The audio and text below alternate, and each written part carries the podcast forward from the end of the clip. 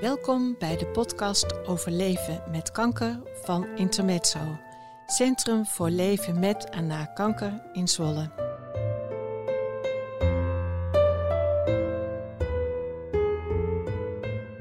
In onze podcast vertellen mensen wat kanker in hun leven betekent, professioneel of privé.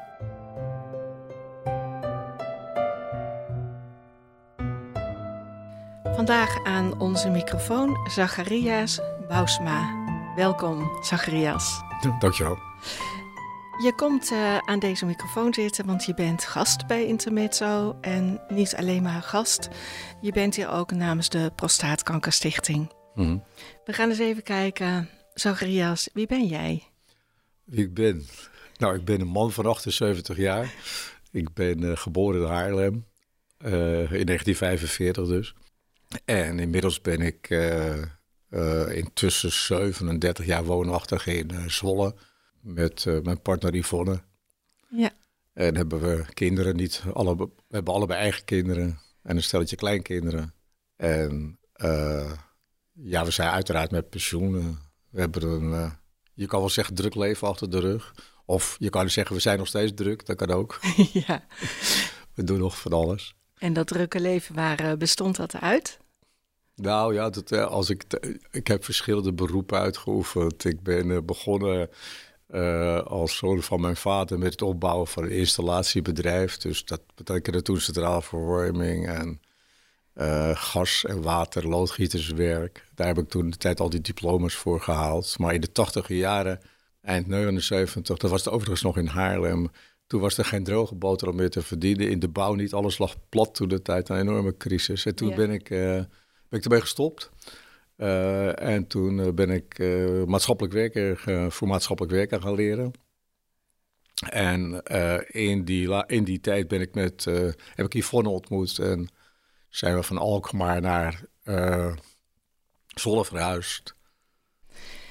Jullie zijn in Zwolle komen wonen, vertel je. Wat was de keuze voor Zwolle? Want dat is toch iets heel anders dan Noord-Holland. ja, het het was eigenlijk zo dat ik toen ik Yvonne leerde kennen, was zij net afgestudeerd en zij wilde naar de school voor drama. Oké. En daar zijn er niet zoveel van in Nederland. En in Kampen werd ze toegelaten na een uh, behoorlijk zware selectie. En ik studeerde toen nog in Amsterdam voor maatschappelijk werken. Zeg, ja, nou, we gaan maar verhuizen. Uh, want hoe kom je in Kampen? we waren dus in de gelegenheid feitelijk om te verhuizen. Ja. En een vriend van me, die hier in de buurt woont, die een oud uh, vrachtschip had omgebouwd tot weer historisch zeilschip. Daar was ik mee bevriend en het leek me ook geweldig. Hij zei, je wou toch op een boot wonen? Er is een boot te huur in Zwolle. Nou, we zijn gaan bezichtigen en we zijn ogenblikkelijk op die boot getrokken. En op dat moment woonde ik dus ja, op een uh, varend woonschip eigenlijk. En ja, dat is me ontzettend goed bevallen. En van daaruit eigenlijk, uiteindelijk heb ik ook mijn papieren gehaald om op uiteindelijk nog een keer beroepsschipper te worden Zo. met een vrachtschip. Ja. Maar daar begon het. Ja, een grote bocht gemaakt eigenlijk. Um... Ja, want voordat ik dat beroepsschipper oppakte, had ik die studie voltooid, die maatschappelijke werkstudie. Aanvankelijk liep ik nog stage in uh, Purmerend uh, en ging hier vandaan naar Purmerend in mijn oude lelijke eend. maar uh, een groene, als Shaki in Vlodder zou je kunnen zeggen. En ben ik hier gaan werken bij de reclassering uiteindelijk. dat heb ik gewoon acht, negen jaar gedaan. En Yvonne was vrij snel bij die uh, uh, school in kamp klaar. Dat lag haar toch niet, het regime daar. En zij ging als vrijwilliger werken bij het Blijf van mijn Lijfhuis. En had daar binnen de kortste keren was ze huismoeder. En dat was toen de tijd in die platte organisatie. Had je gewoon de leiding over alles. Ja. Maar op een gegeven moment, toen ik mijn papieren voor de binnenvaart had gehaald, hebben we allebei slag genomen. Ik was 50 en zij 48. En we zijn uh, toen voor ons beroep gaan varen met een vrachtscheepje. Zo. Nou, dat hebben we ook negen jaar gedaan. En toen was Yvonne het zo zat dat ze zegt ik stop ermee. Ik weet niet wat jij doet, maar ik heb het gezien, dit vak. En, ja, toen zijn we weer horeca-ondernemer geworden hier in Zwolle. Ja, het is nogal wat, we allemaal met elkaar. En dat hebben we er ook nog elf jaar gedaan. Maar ik ben altijd wel blijven varen. Dus uh, ik heb me verhuurd als schipper. En ik doe nog steeds rondvaartjes hier in de stad in Zwolle. En uh, vind ik ontzettend leuk. Ja. Zo weet ik wel een hoop van Zwolle. Dus ik vertel maar raak. Ja. Je bent een echte uh, blauwvinger geworden, ja. zullen we maar zeggen. Ja, toch eigenlijk ook weer niet. Want ik ben niet in die zin geïntegreerd, ingeburgerd. Dat ik dat Zwols ook heb aangeleerd, zeg maar. Je klinkt in elk geval nog steeds niet, niet zo. Het is nog steeds westers. Ja. ja. Ehm, jullie zijn beide gast uh, bij Intermezzo. Ja. Um, niet voor niks dat je hier ook aan de microfoon zit. Kun je er iets over vertellen waarom jij gast bent bij Intermezzo? Ja, dat... Eigenlijk is het begonnen met Yvonne, maar ik had al eer, veel eerder, in 2012, ben ik al aan mijn prostaat geopereerd. Die is toen verwijderd. Uh, dus uh, ik had toen nog geen zicht op intermezzo. Ik weet zelfs niet even of het al bestond. 2010? Maar... Was het al begonnen? Ja, ja. ja. Maar dat was nog niet in, in mijn beeld. misschien was het ook omdat ja, ik was toen nog ontzettend druk gewoon met mijn, uh, met mijn werk, kan je zeggen. We waren nog uh, met het horecabedrijf, we hebben alle dagen druk. Dus het, uh, het kwam niet in beeld om hulp te gaan zoeken of zo. We draaiden gewoon door qua operatie en je ging gewoon door met je werk. Ja. Toen Yvonne eind 2017 de diagnose kreeg dat ze een tumor achter in de, op de tong had, tongbasis heette dat en zij bestraald werd, toen ben ik wel gaan kijken van uh, waar kunnen we terecht om uh, ja, toch wat ondersteuning te krijgen. Want dat was een hele heftige periode. Ja. En uh, ik had toen wel zicht op intermesso. We zijn toen de eerste keer in het ziekenhuis nog geweest, die het daar nog zat. En uh, toch uh, in de loop van 2018, denk ik, uh, hier terechtgekomen. Was het hier toen ook 2018? Ja, we zijn in 2018 in dit ja. mooie nieuwe gebouw ja, getrokken. Ja, en daarvoor hadden we een ruimte binnen het ziekenhuis. Daar kennen we inderdaad Yvonne en jou ook van. Ja. Um, sinds 2018 kom je hier regelmatig over de vloer. Ja. En ook met de, als, als regio-vrijwilliger van de Prostaatkankerstichting dus. Want uh, daar was ik dus uh, toen de tijd in 2012 al lid van. En samen met een uh, collega, ook regio vrijwilliger, hebben we toen al bedacht dat we regio bijeenkomsten konden gaan houden. dat begon eigenlijk met een bijeenkomst in het ziekenhuis samen met Isola. We hadden een voorlichtingsavond en in het ziekenhuis. En vervolgens hebben we toen uh, gevraagd of er mannen waren die uh, erover verder wilden praten. En zo is het eigenlijk begonnen met een groep. En, uh, ja, ik denk dat de allereerste groep hier toen al heeft plaatsgevonden, maar dat weet ik niet meer zeker. Ik denk het wel. De regiobijeenkomsten van, uh, van deze regio Zwolle en omgeving. Dus zo vier, vijf keer per jaar komen jullie ja. tegenwoordig het, bij elkaar. Het groeit. Uh, uh, aanvankelijk is het twee keer per jaar geweest.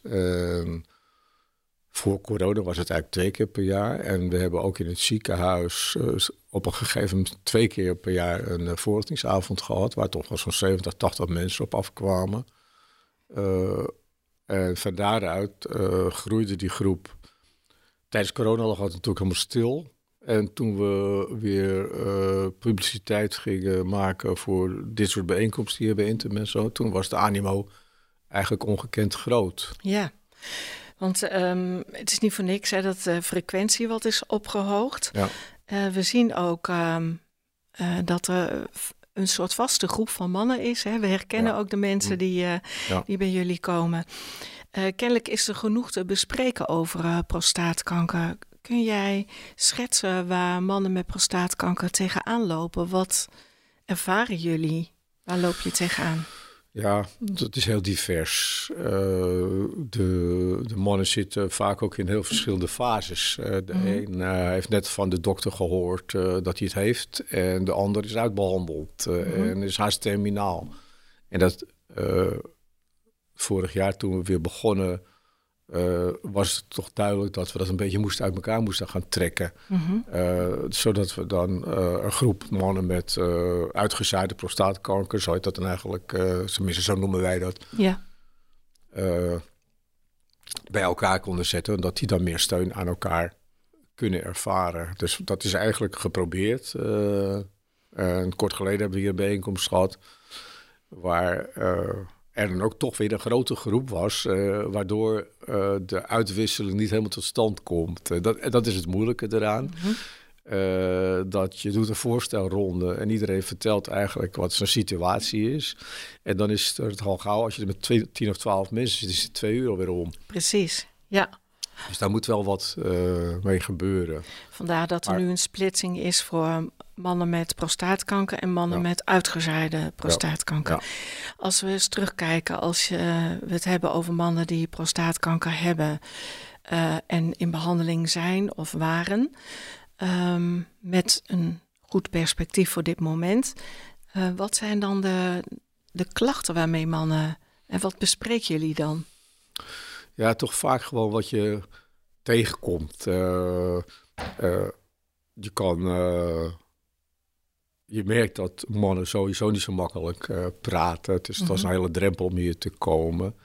Dus dat het ze enorm oplucht, geloof ik, dat ze er eens over kunnen praten. Yeah. Omdat, ja, toch kerels, veel kerels, kerels eigen is het, geloof ik, dat ze het allemaal zelf proberen op te lossen. Yeah. zich niet zo gauw blootgeven. Yeah. En je merkt dus dat ze, als ze met lotgenoten onder elkaar, dat ja, dat dat. dat helend werkt. In die zin dat uh, het voor iedereen prettig is om het erover te kunnen hebben. Omdat je allemaal in hetzelfde schuitje zit. Ja, en dan kan het uh, over seksualiteit gaan. Dat onderwerp hebben we ook wel eens aangeroerd. Mm -hmm. ja, er zitten mannen bij die geopereerd zijn en dus bijvoorbeeld geen directie meer kunnen krijgen. Mm -hmm. anderen zijn worstelen daarmee en proberen dat toch in stand te houden. Mm -hmm. Dat is ook heel verschillend. Uh, maar dat komt schoorvoetend ter tafel dan wel. Maar dan moeten wij dat wel aangeven, Jan en ik, mijn collega. Dat moeten we het wel enigszins sturen ja. om het over zo'n onderwerp te hebben. Ja. Maar dat gebeurt dan wel. Maar we zijn er toch heel open over. Okay. Gelukkig. Ja. Um, misschien een goed moment om even te wijzen op de folder die Intermezzo over dit onderwerp uh, onlangs heeft gemaakt. De folder over intimiteit en seksualiteit tijdens hm. en na kanker. Dat gaat over kanker in het algemeen, maar ik denk dat veel mensen daar de nodige herkenning in vinden. Vast wel. Dus uh, voor wie dat, uh, die folder wil hebben, hij hm. is bij Intermezzo te verkrijgen. Ja. Mm -hmm. Um, dat zal niet het enige zijn waar je tegenaan loopt. Uh, seksualiteit die verandert.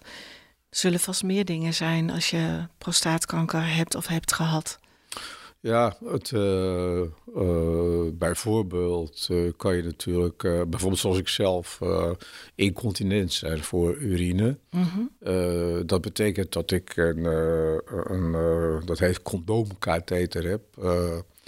En een, uh, met een slangetje dus uh, naar een uh, zak die aan mijn kuit gebonden zit.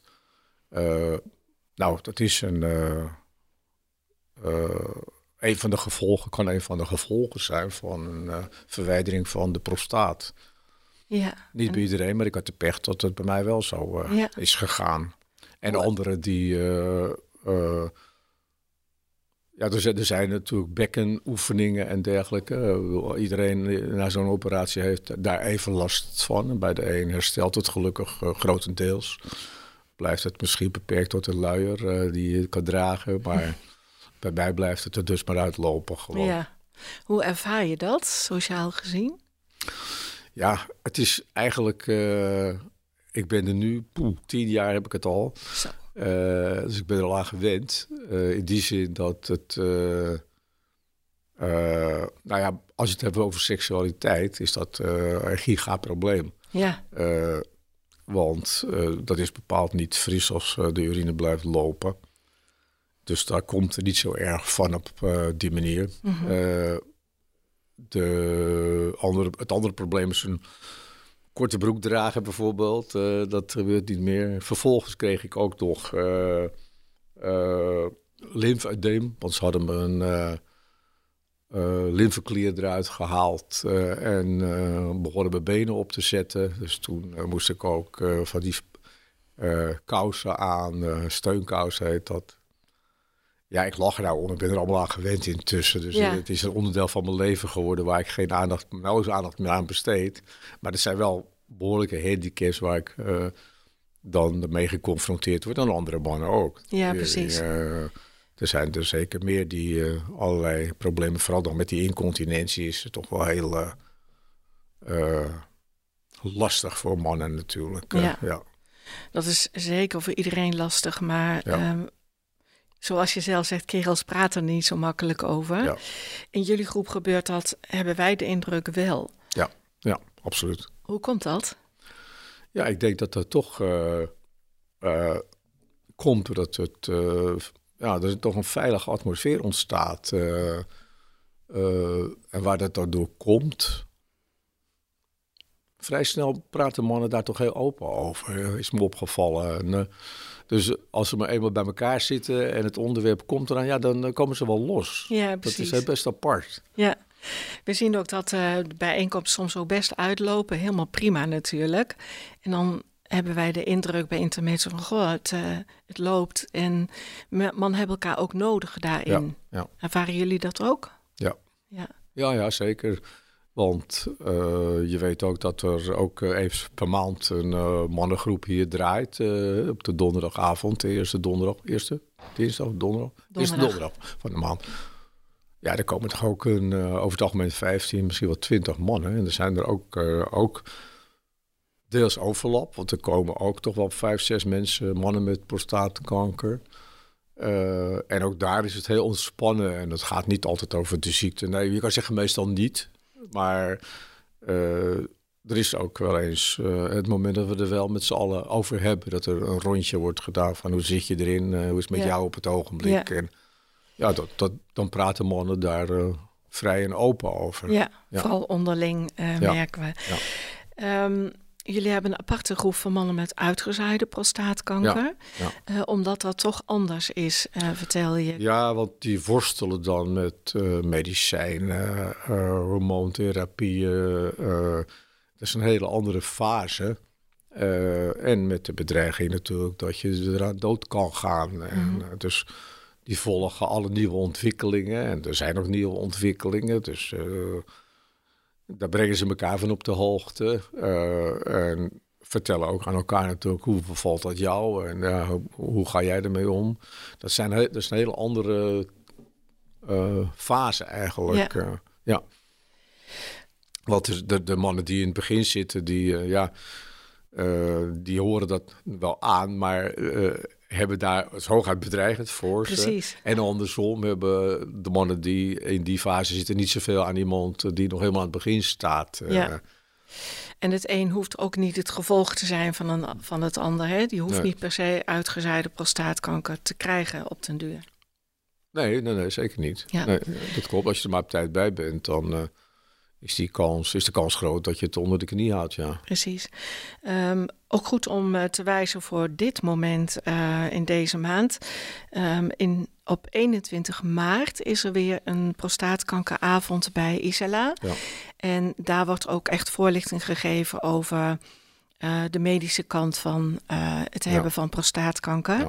Goed om dat onderscheid ook te maken dat Isela uh, en de Prostaatkankerstichting samen goed inzoomen op de medische en de behandelkant. Mm -hmm. En de bijeenkomsten bij Intermetro heel erg gaan over de psychosociale kant van het hebben van prostaatkanker. Ja. En het vult elkaar natuurlijk prachtig aan. Mensen die. Er worden ook wel technische dingen uitgewisseld hoor. Ja, uh, ook wel. Tussen de mannen die. Want, want er zitten natuurlijk uh, mannen tussen die alles uitzoeken. Die, die van alles op de hoogte zijn. Uh, van alle nieuwe ontwikkelingen. veel mannen zijn daar, kruipen daar toch helemaal in en willen er alles van weten. Ja. En houden goed in de gaten van wat er mondiaal zeg maar aan de gang is. Ja, ja, ja. Dat is ook wel bijzonder eigenlijk. want zo informeren jullie elkaar ook. Ja. En kun je ook goed vragen stellen uh, als je een artsenbezoek hebt of um, op zo'n prostaatkankeravond bij. Ja, uh, mannen zijn natuurlijk steeds weerbaarder. Trouwens, dat is algemeen de maatschappij natuurlijk. Toen ja. ik het had ergens in de begin deze eeuw, zeg maar, was ik nog niet zo assertief en ging in alles mee wat de arts bedacht. nou, dat is wel veranderd ook bij mij. Dat je zelf toch heeft toch het stuur in handen moet nemen eigenlijk. Uh, dat is het, wel het advies. Verdiep je erin, kijk, weet wat er, uh, wat er allemaal mogelijk is en uh, kijk wat er het beste voor jezelf is. Ja. ja. En stel vragen ook bij de arts en ja. geef aan wat je zelf zou willen. Hè? Dat proberen te krijgen van eigen regie, het stuur in handen nemen, ja. zoals je zegt. Ja, um, dat dat die samenkomt met Isla 21 maart is dat inderdaad weer. Gelukkig kan dat weer. Uh, ja, daar, daar zijn dus wij, ik ben er ook bij betrokken. En uh, uroloog, oncoloog, uh, regieverpleegkundige. Het hele scala komt wel aan bod daar. en ja, veel, je ziet veel echtparen, die mannen die toch in de beginfase zitten. En ongerust zijn uh, of ongerust zijn willen weten. Uh, zou ik nou eens een keer naar die huisarts gaan om het te laten controleren? Hè? Oh, Want dat is ook zo'n drempel. Wat is de drempel dan? Ja, nou ja, je moet een stap nemen om het te willen weten. Uh, of je wat hebt. dat, dat, is, dat is toch een drempel. Je gaat niet zo gauw, mannen zeker niet, als je een pijntje of wat dan ook voelt, gelijk hard rennen naar een huisarts. Nee, je wacht zo lang mogelijk. Eh, of steek je kop in het zand. Uh, er zijn uh, ook huisartsen die dat mindert snel. Maar er zijn nog steeds huisartsen die ook afrijden, afraden bijvoorbeeld om een PSA-controle te doen. Dus dan moet je soms ook wel even knokken bij een huisarts om het voor elkaar te krijgen om toch die test te kunnen doen. Dat is best lastig hoor. -hmm kan dat lastig zijn. Ja. Ik, ik, heb verschillende kerels toch ook die uh, hier gezien die uh, achteraf uh, ja, toch behoorlijk boos waren op zijn huisarts die hun niet tijdig had geadviseerd om dat te gaan doen. Dat het eigenlijk er ja, afgeraden had. Ja, precies. Ja. Dat is jammer natuurlijk. En ja. goed om dan inderdaad je licht op te steken tijdens zo'n avond bij Isela. Ja. Als je dan niet zeker van bent van mankeert me iets of niet en wat kan ik het beste doen?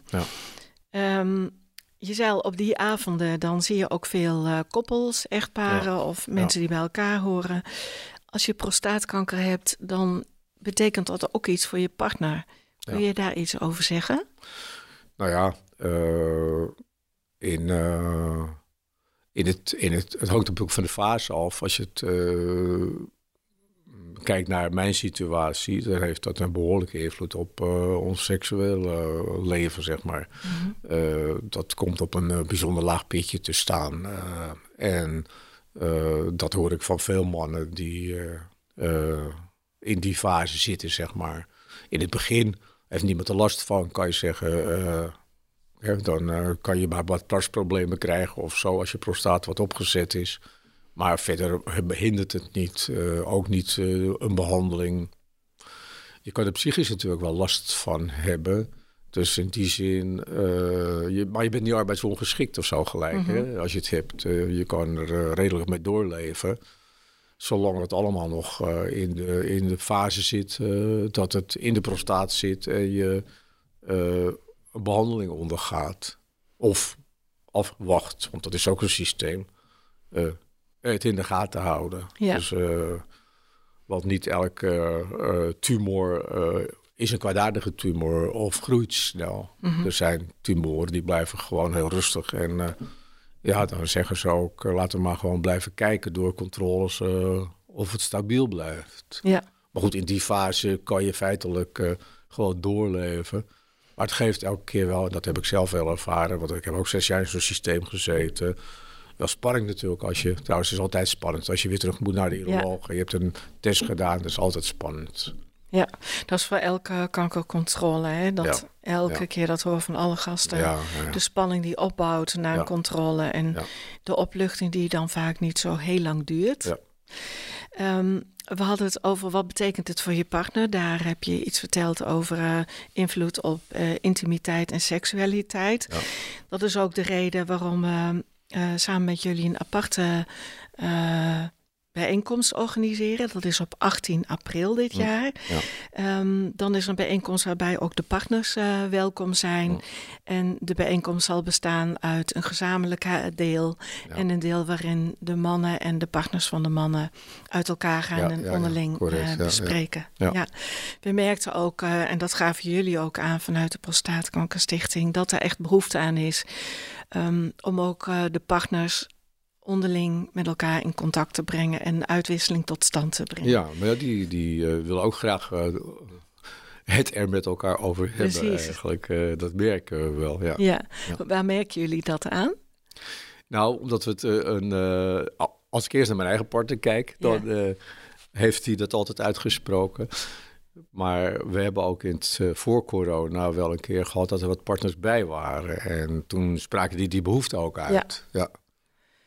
Dat is fijn dat uh, we met elkaar daaraan uh, tegemoet uh, kunnen komen. Ja. Um, je hebt het nodige verteld over jezelf, over wat prostaatkanker in jullie leven betekent. En zo krijgen we ook beeld wat het bij andere mensen kan betekenen.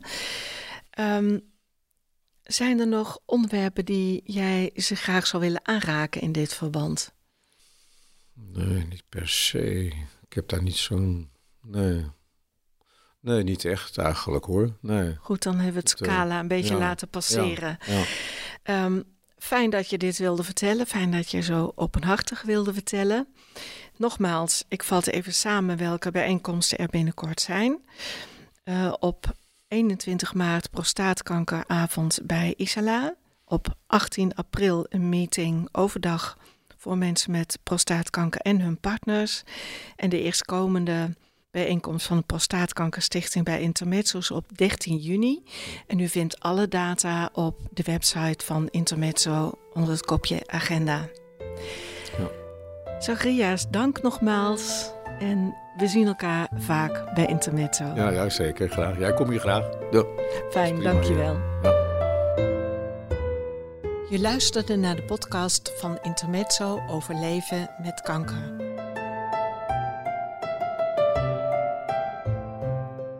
Wil je meer weten? Kijk op onze website www.intermezzo-zwolle.nl. Elke maand is er een nieuwe podcast. We bedanken iedereen die heeft meegewerkt aan de totstandkoming van al onze podcasts.